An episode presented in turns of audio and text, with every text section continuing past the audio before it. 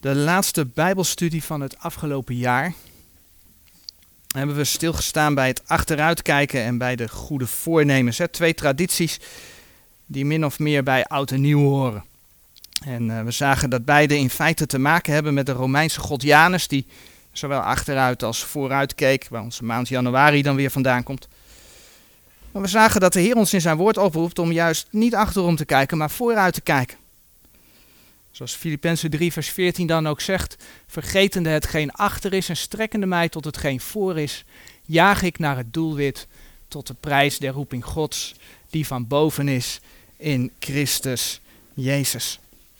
Wanneer iemand wederom geboren is, zijn zonde beleden heeft, dan moet hij of zij niet opnieuw zijn zonde gaan overdenken, want het is beleden, de Heer heeft het weggedaan. Wij mogen ten alle tijden vooruitkijken. En als we daarbij plannen maken, dan zegt de Heer in zijn woord: laat zijn uw, uw woord ja, ja, nee, nee. En bij al die plannen mogen we zeggen: indien de Heer wil en wij leven, zo zullen wij dit of dat doen.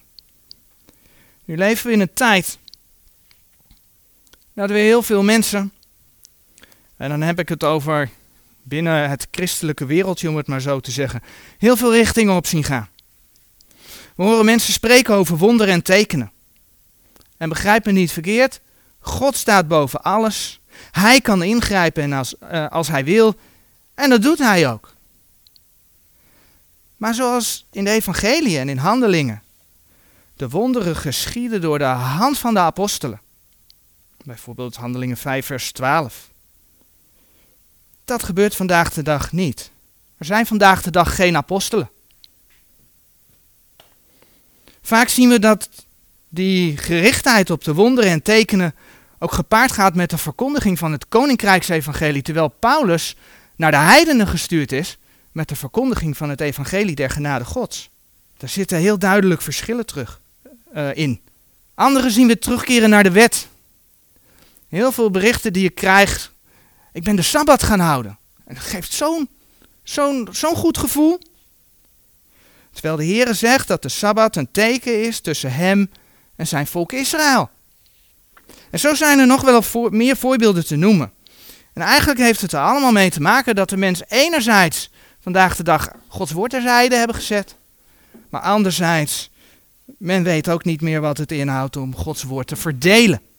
zoals we in 2 Timotheus 2 vers 15 lezen, die tekst staat op de dia. Benaarstig u om uzelf vergoden beproefd voor te stellen, een arbeider die niet beschaamd wordt, die het woord der waarheid recht snijdt. In de King James 1611 staat dan die het woord der waarheid recht verdeelt. Niet alles in de Bijbel is regelrecht, leerstellig aan de gemeente geschreven. Sommige zaken zegt de Heer tegen Israël.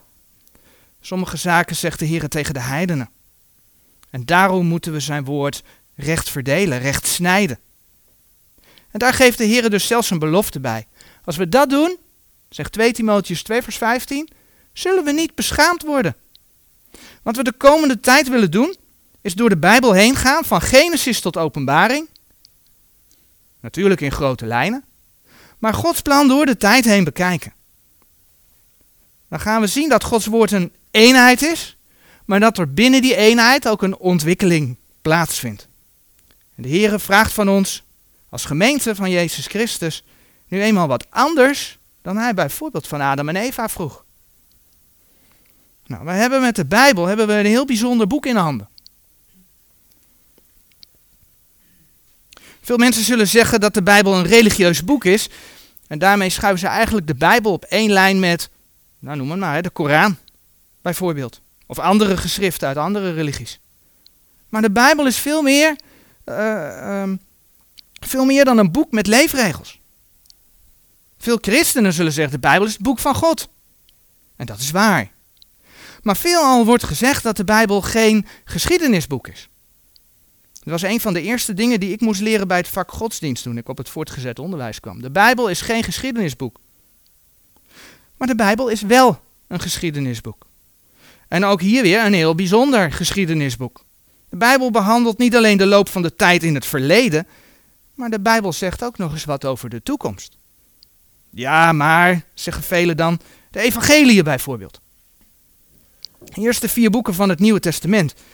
Daar wordt op vier verschillende wijzen geschreven over het leven van Jezus op aarde. En soms lijkt het ook nog wel of die vier evangelieën elkaar tegenspreken. En daarom gaat het niet om de geschiedkundige feiten, maar het gaat om de boodschap. Zo schrijft het Nederlands Bijbelgenootschap. En ik haal hem maar weer eens aan in de MBV Studiebijbel. Het volgende over uh, de evangeliën. En ik citeer een stukje van bladzijde 1844. De ervaring heeft geleerd dat de evangelisten het ons niet gemakkelijk maken. Een scherp beeld, het niet gemakkelijk maken een scherp beeld van het verleden te krijgen. Zij waren er niet op uit een objectief beeld van Jezus te schetsen. Zij schreven als gelovigen, hun visies verschillen dan ook van elkaar, soms zelfs aanzienlijk. Tot zover het citaat van het Nederlands Bijbelgenootschap.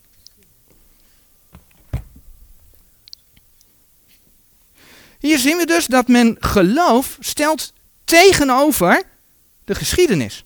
Want zegt men, omdat de evangelisten schreven vanuit het geloof,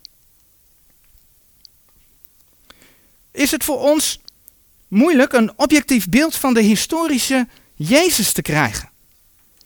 Maar geloof staat de feiten van de schrift en ook de feiten van de geschiedenis niet in de weg. Lucas. Lucas die schrijft bijvoorbeeld in, in Lucas 1. Laten we dat opzoeken. Lucas 1 vanaf vers 1.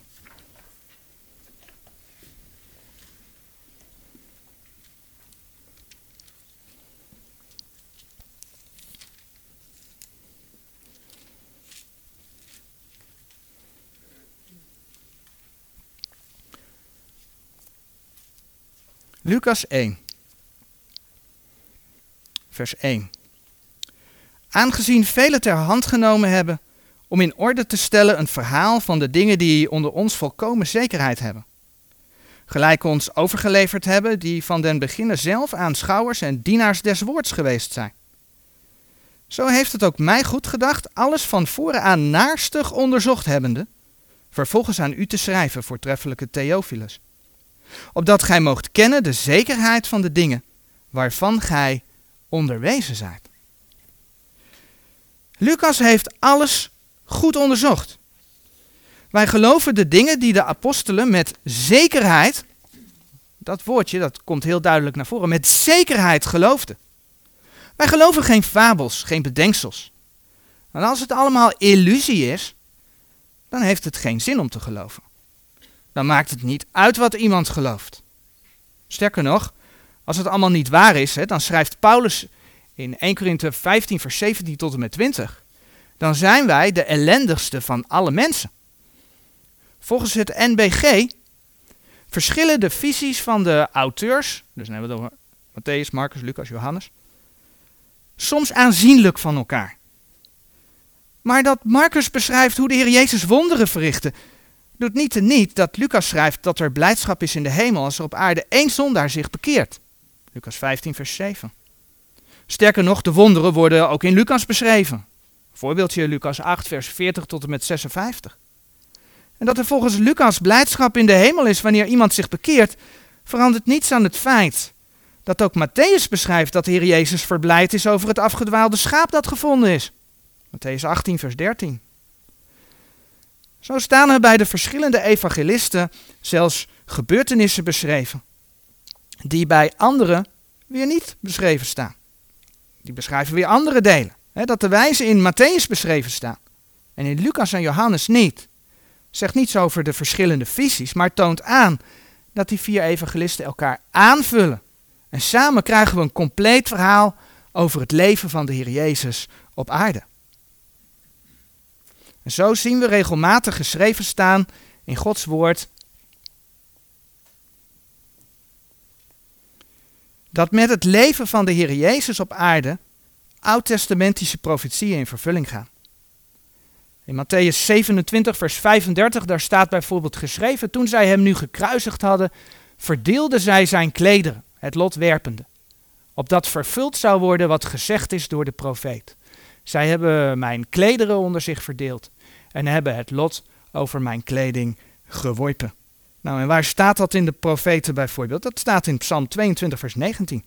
is profetisch over wat er met de Heer Jezus zou gaan gebeuren. Maar zo kun je ook in Johannes 19, vers 28 kijken.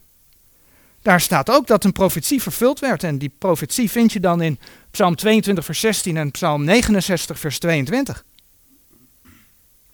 De Heere heeft het zelf aangegeven dat deze dingen moesten gebeuren. Hij zei in Lucas 24, vers 44: Dit zijn de woorden die ik tot u sprak toen ik nog met u was, namelijk dat het alles moest vervuld worden wat van mij geschreven is, in de wet van Mozes en de profeten en psalmen. Dit bevestigt dus geen sinds verschillen tussen de eerste vier boeken van het Nieuwe Testament, maar eerder de overeenkomsten tussen hen en het feit dat ze elkaar aanvullen. En ja, natuurlijk gaat het ook om de boodschap. Dat de mens in zonde gevallen is. Dat de Heer in zijn Zoon naar de aarde is gekomen om voor onze zonde te sterven en weer op te staan. Waardoor wij met de Heer verzoend kunnen worden, kunnen zijn. 2 Korinthe 5 vers 18. Maar de Bijbel is ook een geschiedenisboek. Het gaat over vroeger, het gaat over het verleden, over nu, maar ook over de toekomst. Als die geschiedenisfeiten geen feiten zouden zijn, dan zou toch ook de verlossing in de Heer Jezus geen feit zijn. In de Bijbel staat, in nummer 23, vers 19, God is geen man dat hij liegen zou. In de brief aan de gemeente, Titus 1, vers 2, in de hoop van het eeuwige leven dat God die niet liegen kan, beloofd heeft. God kan niet liegen. Als God spreekt, dan spreekt hij waarheid. En het is geen wonder dat toen Gods zoon op de aarde kwam, dat hij uitsprak in Johannes 17, vers 17: Heilig ze in uw waarheid, uw woord is de waarheid. Wanneer God over de tijd spreekt, of het nu de verleden tijd betreft of de toekomende tijd, dan spreekt hij waarheid. En de Bijbel kan zichzelf dus niet tegenspreken. Komen we dingen tegen die we niet begrijpen, dan moeten we dus niet de Bijbel gaan aanpassen aan ons begrip, maar dan moeten we op onderzoek uitgaan. Of de Heer zijn woord in zijn woord misschien uitlegt, waardoor we het mogen begrijpen. 2 Timotheus 3 vers 16 zegt, 2 Timotheus 3 vers 16,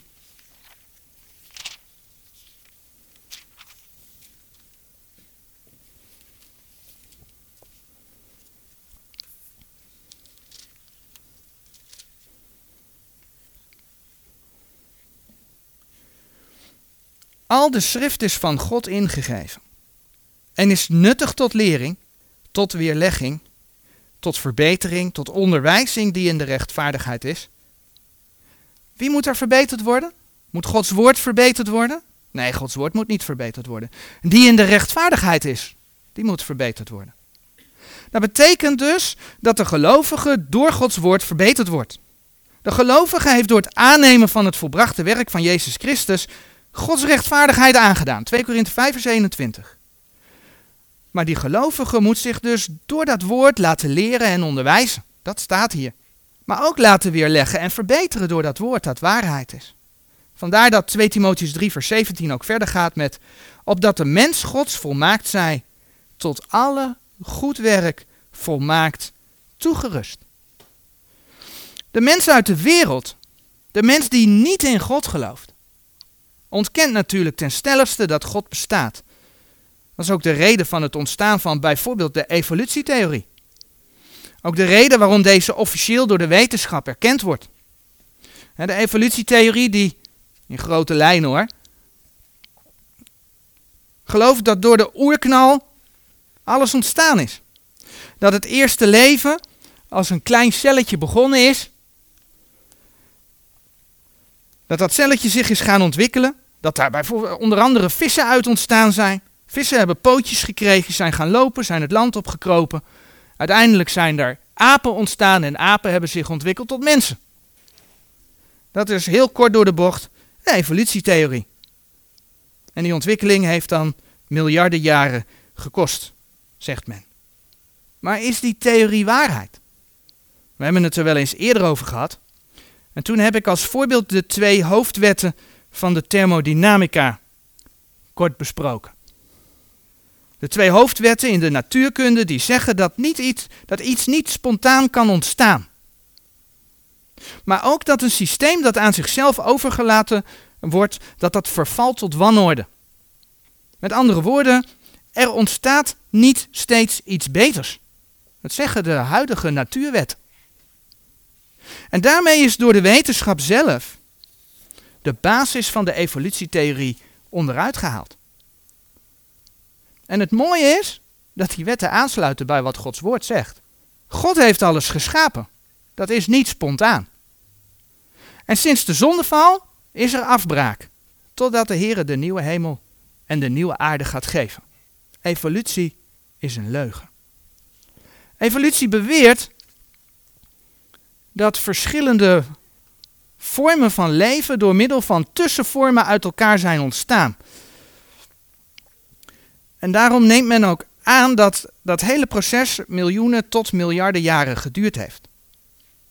Maar ja, als je om je heen kijkt, dan zie je geen evolutie. We hebben in Apeldoorn de apenhul. Ik maak er met de meiden nog wel eens een grapje over als we daar geweest zijn. Maar nou, als we maar lang genoeg hier blijven, dan zien we hier vanzelf straks mensen rondlopen in die hokken.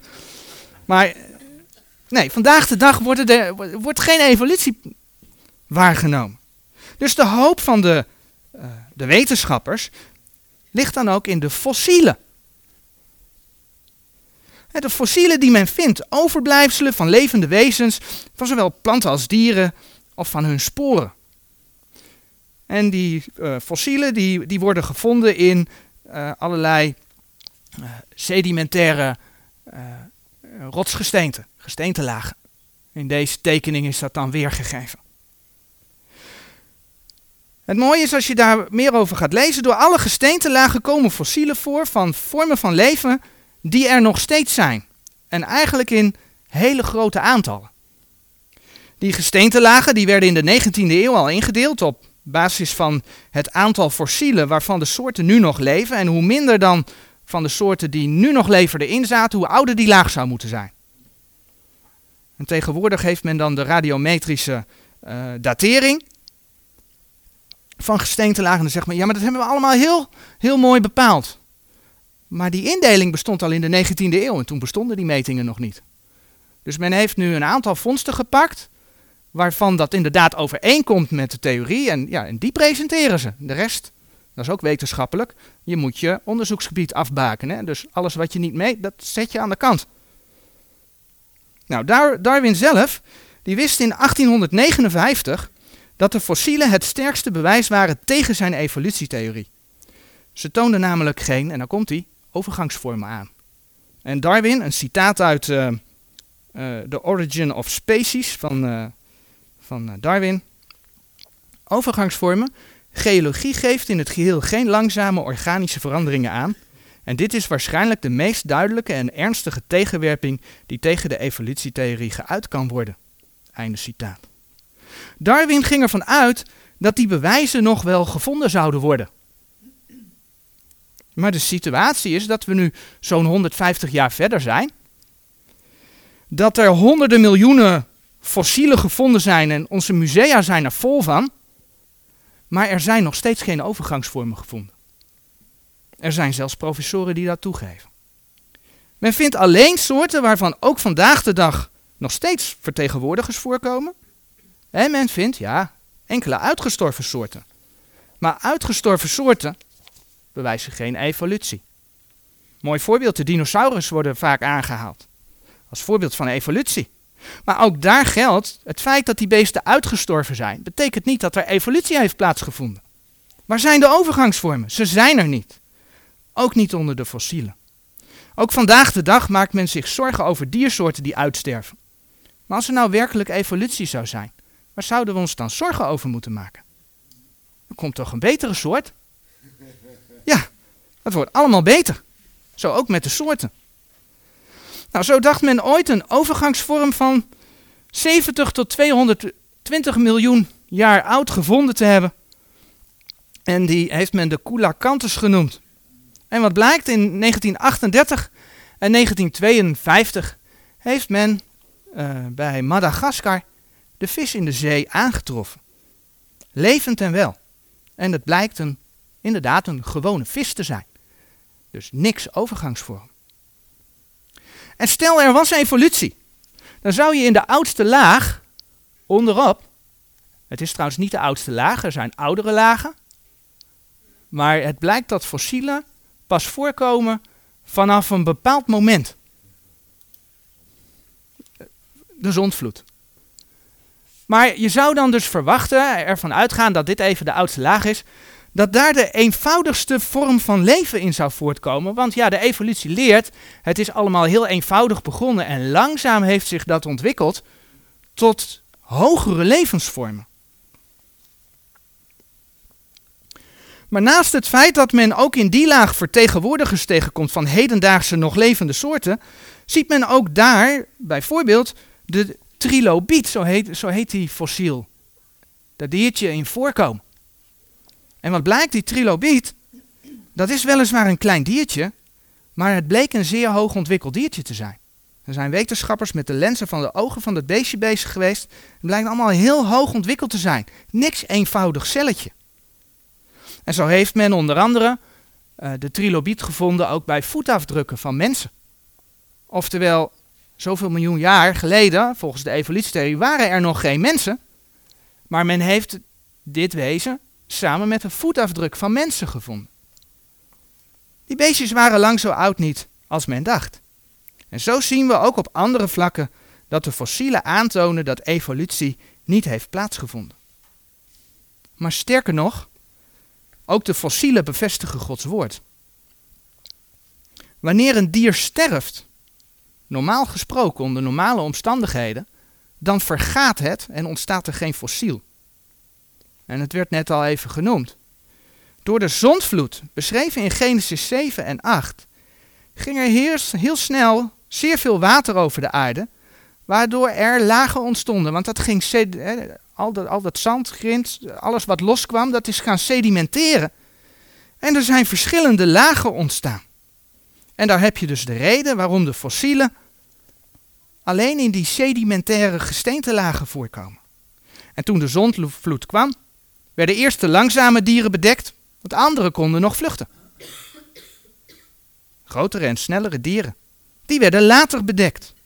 En zo vinden we in de laagste gesteentelagen de langzame dieren en hogerop vind je de snellere dieren. Daar komt bij dat men fossielen heeft gevonden, ik vind dat wel een mooi plaatje, van dieren die geen tijd meer hadden om een maaltijd af te maken. Ook dat bewijst dat er dus geen miljoenen jaren durend proces is geweest, maar dat er ergens een catastrofe, de zondvloed, staat in de Bijbel beschreven, heeft plaatsgevonden. En dat laat dus opnieuw zien dat de Bijbel, het woord van God, de waarheid zegt met betrekking tot de geschiedenis van de zondvloed. De feiten sluiten daarop aan. De aardlagen en de fossielen zijn dus niet in miljoenen of miljarden jaren ontstaan, maar slechts in een betrekkelijk korte tijd. Nou, er valt nog veel meer over te zeggen. Ik ga het voor deze studie hierbij laten. Maar waarom geloven zoveel mensen in die evolutietheorie? Het antwoord is omdat de mens door de zonde niet wil geloven dat er een God is. Even verdergaand, wat de Bijbel openbaart, dat er een God is die rekenschap van de mens gaat vragen. Want dat is natuurlijk nog het ergste. En dan zegt de Bijbel in Psalm 14, vers 1: De dwaas zegt in zijn hart: Er is geen God. Het is dus dwaas om niet in God te geloven. De mens is van nature zondig. De mens heeft God nodig. Alleen de mens is verblind door de zonde. En dan is er ook nog een vijand van God. Die die zondige mens ja, probeert te, te verblinden. Wat er in 2 Korinthe 4 vers 4 staat. In wie de God deze eeuw de zinnen verblind heeft. Namelijk der ongelovigen. Opdat hen niet bestralen de verlichting van het evangelie der heerlijkheid van Christus die het beeld Gods is. dus in wie de God deze eeuw, nou in wie, als je dan in vers 3 gaat kijken, dan zijn dat eh, degenen in hen die verloren gaan, zegt vers 3. Nou, de God deze wereld is natuurlijk niet de Heere God, maar het gaat om de God met kleine letter die mensen verblindt, zodat ze het evangelie niet zullen geloven. Het gaat om de duivel. En een van de tactieken die hij gebruikt is zo'n theorie als de evolutietheorie. En hoe krom die ook in elkaar zit, het is tot wetenschap verheven. En mensen worden ermee volgegooid tot op de christelijke scholen van vandaag de dag.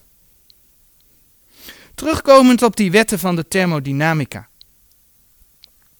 Hoe komt het dat er niet spontane energie gemaakt of vernietigd kan worden? God was degene die het heelal, hemel en aarde schiep. Hij stopte daarin zijn energie. Hij stopte daar zijn kracht in. En laat de Bijbel zien dat alles alleen maar beter wordt. Nee, de Bijbel laat zien dat alles goed begon.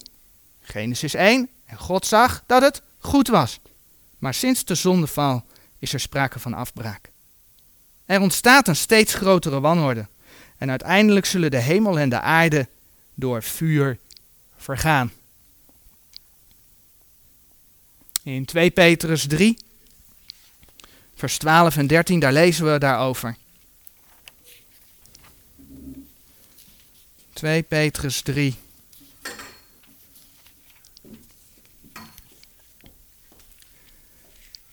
Twee Petrus 3, vers 12. verwachtende en haastende tot de toekomst van de dag Gods, in welke de hemelen door vuur ontstoken zijnde zullen vergaan en de elementen brandende zullen versmelten. Maar wij verwachten naar zijn belofte nieuwe hemelen en een nieuwe aarde, in welke gerechtigheid woont. Met andere woorden, de aarde die nu is, als we naar de tijdlijn kijken en wij hier zitten, de aarde die nu is, is onderhevig aan afbraak en er is nu meer chaos dan bij de zondeval. En dat voldoet dus volledig aan die twee natuurwetten. Met andere woorden, mensen willen dat niet horen, maar de Bijbel geeft de enige wetenschappelijke verklaring voor het ontstaan van de aarde. De Bijbel is waar. Alleen mensen willen het niet. En zo heeft de Heere God zichzelf door zijn woord, de Bijbel, bewezen. Zo heeft de Heere God dingen over de menselijke geschiedenis gezegd die letterlijk uitkomen. Daar zullen we zo nog een paar voorbeelden van zien. Dat zijn woord uitkomt, is volgens de Heer zelf het bewijs dat zijn woord waarheid is. De Heer die daagt namelijk iedere lezer van zijn woord uit om zijn woord aan een test te onderwerpen. En die test die gaan we opzoeken in Jesaja 41.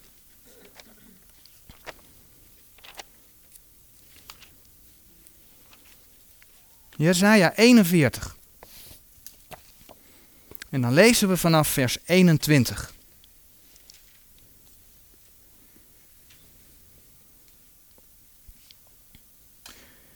Brengt uw twistzaak voor, zegt de Heer. Brengt uw gegronde bewijsredenen bij, zegt de koning van Jacob. Laat hen voortbrengen en ons verkondigen de dingen die gebeuren zullen. Verkondigt de vorige dingen, welke die geweest zijn, opdat wij het te harte nemen en het einde daarvan weten, of doet ons de toekomende dingen horen. Verkondigt dingen die hierna komen zullen, opdat wij weten dat gij goden zijt. Ja, doet goed en doet kwaad, dat wij ontzet staan en tezamen toezien. Ziet, gij zijt minder dan niet, en uw werk is erger dan een adder. Hij is een gruwel die u verkiest. De Heere daagt de mens uit om de toekomst te voorzeggen. En wat blijkt dan? De mens die faalt. Keer op keer zien we ook tegenwoordig dat mensen, en dan betrek ik het even dichtbij, christenen, toch de toekomst weer willen voorspellen. Men wil zo graag een datum bepalen wanneer alles, alles gaat plaatsvinden, dat de Heer Jezus terugkomt. Nog niet zo lang geleden, 23 september 2017. Toen zou er van alles gaan gebeuren iets langer geleden Harold Camping. En zo kom je iedere keer weer mensen tegen die zeggen: En nu komt de dag des Heren. Maar we zijn er nog steeds. De mens faalt. De mens kan geen toekomst voorzeggen. En ze zijn allemaal bedrogen uitgekomen. Het is dan ook beter om Gods woord vast te houden. Dat ja, Gods woord geeft de tekenen der tijden en we weten in wat voor tijd we leven. Maar Matthäus 24, vers 36, wij weten nog de dag, nog het uur. En zolang we daaraan vasthouden, gaan we niet onderuit. Want we houden ons aan Gods woord vast. God faalt niet. God is alwetend. En zijn woord komt 100% uit. Als we naar Jesaja 42 kijken, vers 8 en 9, daar komen we eenzelfde soort, ja, noem het maar test tegen. Jesaja 42, vers 8 en 9. Ik ben de Heere, dat is mijn naam. En mijn eer zal ik geen andere geven, noch mijn lof aan de gesneden beelden. Ziet, de voorgaande dingen zijn gekomen en nieuwe dingen verkondig ik. Eer dat zij uitspruiten, doe ik u die horen. En dat blijkt uit zijn woord. We zagen al enkele profetieën voorbij komen vanmorgen die door de Heer Jezus in vervulling zijn gegaan. En zo zijn er nog veel meer.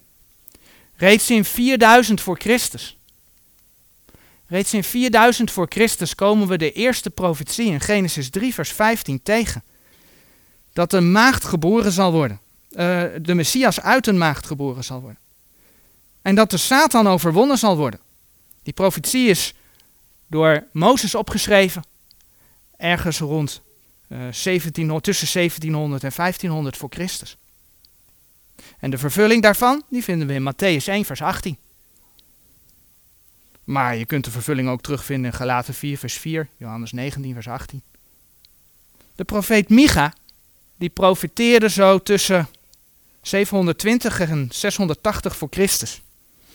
En in die periode schreef hij Micha 5, vers 2.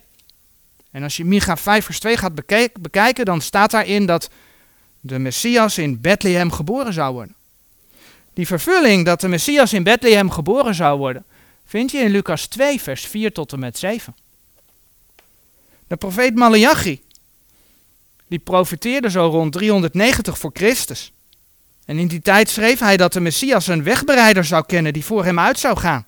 Malachi 3, vers 1. Zoals wij weten ging Johannes de Doper voor de Heer Jezus uit als wegbereider. Vervuld in Lucas 1, vers 76. De profeet Jeremia profeteerde tussen 624 en 588 voor Christus. In Jeremia 31, vers 15 treffen we een profetie over de kindermoord van Herodes aan. Herodes wilde alle kinderen tot twee jaar vermoorden om daarmee te voorkomen dat de koning die geboren was uh, uh, zijn taak kon volbrengen. Dat alles is in vervulling gegaan in Matthäus 2, vers 16 en 17. Met de geboorte van de Heer Jezus. De profeet David, die schreef zo rond 1025 voor Christus, dat Maria, de moeder van de Heer Jezus, meerdere kinderen zou krijgen. Dat heeft hij in Psalm 69, vers 9 uh, opgeschreven. Het is vervuld in Matthäus 1, vers 25. Waar de Heer Jezus Maria's eerstgeboren zoon genoemd wordt. Je kunt het ook vinden in Matthäus 13, vers 55 en Johannes 7, vers 5. Waar gesproken wordt over de broers en zussen van de Heer Jezus. De profeet Jona, die profeteerde in ongeveer 780 voor Christus. En Jona die bleef drie dagen en drie nachten in de vis, staat er in Jona 1 vers 17. En dit was volgens de Heer Jezus zelf de profetie die hij gaf aan het Joodse volk. Want het enige teken dat het Joodse volk zou krijgen was het teken van Jona de profeet. Omdat de zoon des mensen drie dagen en drie nachten in het hart van de aarde zou zijn. Matthäus 12 vers 39 en 40. Lucas 24 vers 7. Over het lijden profeteerde onder andere de profeet Zacharias. In circa 520 voor Christus. Hij schreef onder andere dat de wonden van de Heer Jezus door zijn eigen volk werden aangebracht. Zacharia 12 vers 10, Zacharia 13 vers 6 en 7. Iets wat in onder andere Lucas 23 vers 33, Johannes 19 vers 34 tot 37 in vervulling is gegaan. Ik heb nu slechts zeven profetieën genoemd die letterlijk in vervulling gegaan zijn. Zo zijn er nog veel meer profetieën gedaan. En ik besef dat ik er een beetje snel doorheen ga. Maar ik heb uh, er meer dan 48 staan op het blad wat ik uitgedeeld heb. De profetie met de teksten, niet allemaal, niet alle teksten, maar een aantal teksten waar, waaraan je kunt zien dat die profetie in vervulling is gegaan. Het zijn er meer dan 48. En het overzicht is niet compleet. Maar allemaal zijn ze letterlijk in vervulling gegaan. Al ver voor zijn geboorte werd de Messias aangekondigd. Als je naar die geschiedenislijn kijkt, was dat verspreid over een aantal, eh, aantal duizenden jaren. Die profeten hebben elkaar niet altijd allemaal persoonlijk gekend. Sommigen zaten in Babylonië, anderen zaten in, in het tien-stammenrijk of in het twee-stammenrijk. De profeten schelen elkaar soms honderden, soms duizend jaar. En tevens herhaalden die profeten niet iedere keer hetzelfde, maar ze gaven ook nieuwe profetieën. Ze vulden elkaar aan. En ze zijn allemaal uitgekomen. Nou, als je daar kansberekening op los zou laten, en er zijn mensen die dat gedaan hebben, dan kun je uitrekenen wat de kans is dat in één persoon al die dingen die nou ja, door al die verschillende mensen over zoveel tijd verspreid gezegd is dat dat dan zou uitkomen, dan kom je op een kans van, nou zo klein, 0,00001, dat wij als mensen zeggen, dat is onmogelijk. Maar het is allemaal tot op de letter gebeurd. En dat is het bewijs van Gods woord. Zo precies is Gods woord. Gods woord heeft zichzelf bewezen de waarheid te zijn. Vandaar ook dat je dus in Jezaja leest dat de Heer de mens uitdaagt. Zeg wat er gaat gebeuren. We zullen zien of het uitkomt. Alleen God kan het. Wij kunnen het niet. Ondanks dat de wereld en de theologie beweren dat Gods woord geen geschiedenisboek is, laat de Bijbel zien dat het het wel degelijk is. En dat begint bij Genesis 1, vers 1 dat zegt in den beginnen schiep God de hemel en de aarde. Het laatste Bijbelboek, Openbaring, eindigt dan met de beschrijving, Openbaring 21 vers 1, van de nieuwe hemel en de nieuwe aarde. En ondanks dat die Bijbelboeken niet allemaal exact op chronologische volgorde staan, zien we dat de Bijbel een beschrijving geeft van begin tot eind. In de Bijbel geeft God zijn plan van begin tot eind. De Bijbel is een profetisch geschiedenisboek. Wat gaat over het verleden, wat gaat over het heden, wat gaat over de toekomst. En het komt 100% letterlijk uit. Vandaar dat we in 2 Petrus 1 vers 19 het volgende lezen. 2 Petrus 1 vers 19.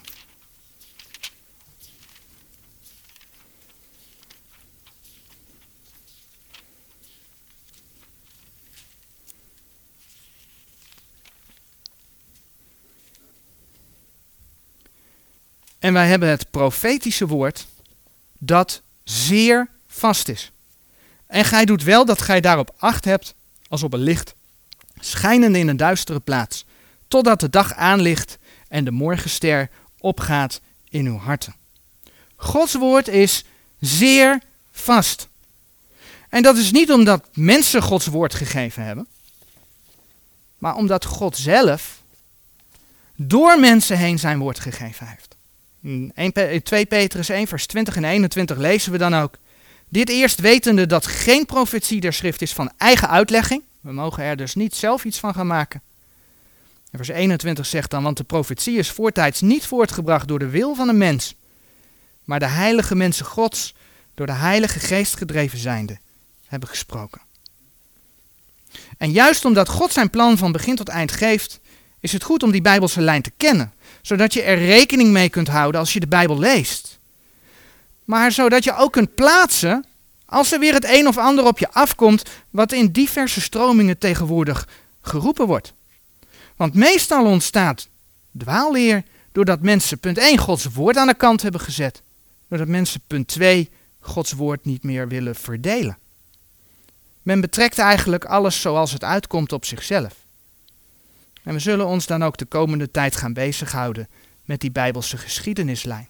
Door de geschiedenis heen zullen we gaan ontdekken dat God verbonden sluit met mensen. En dan beginnen we bij het begin. En ik wil daar nog een heel klein begin van maken, oftewel Genesis. Wanneer God de mens geschapen heeft, dan krijgt die mens een opdracht mee. In Genesis 1, vers 28. Genesis 1, vers 28, daar lezen we. En God zegende hen, en God zeide tot hen, weest vruchtbaar en vermenigvuldigd, en vervult de aarde en onderwerpt haar, en hebt heerschappij over de vissen der zee, en over het gevogelte des hemels, en over al het gedierte dat op de aarde kruipt. En God zeide, ziet, ik heb u al het zaadzaaiende kruid gegeven dat op de ganse aarde is, en alle geboomte waarin zaadzaaiende boomvrucht is, het zij u tot spijs. In deze verse vinden we de opdracht van de Heere God aan de mens om de aarde te beheren. Maar die opdracht was niet onvoorwaardelijk, want dit was nog niet alles. In Genesis 2, vers 15, daar lezen we. Zo nam de Heere God de mens en zette hem in de hof van Eden om die te bouwen en die te bewaren. En de Heere God gebood de mens zeggende, van alle boom van deze hof zult gij vrij eten. Maar van de boom der kennis des goeds en des kwaads, daarvan zult gij niet eten, want ten dagen als gij daarvan eet, zult gij de dood sterven. Dit verbond bleef net zo lang van kracht totdat Adam het in Genesis 3 verbrak door te eten van de verboden boom.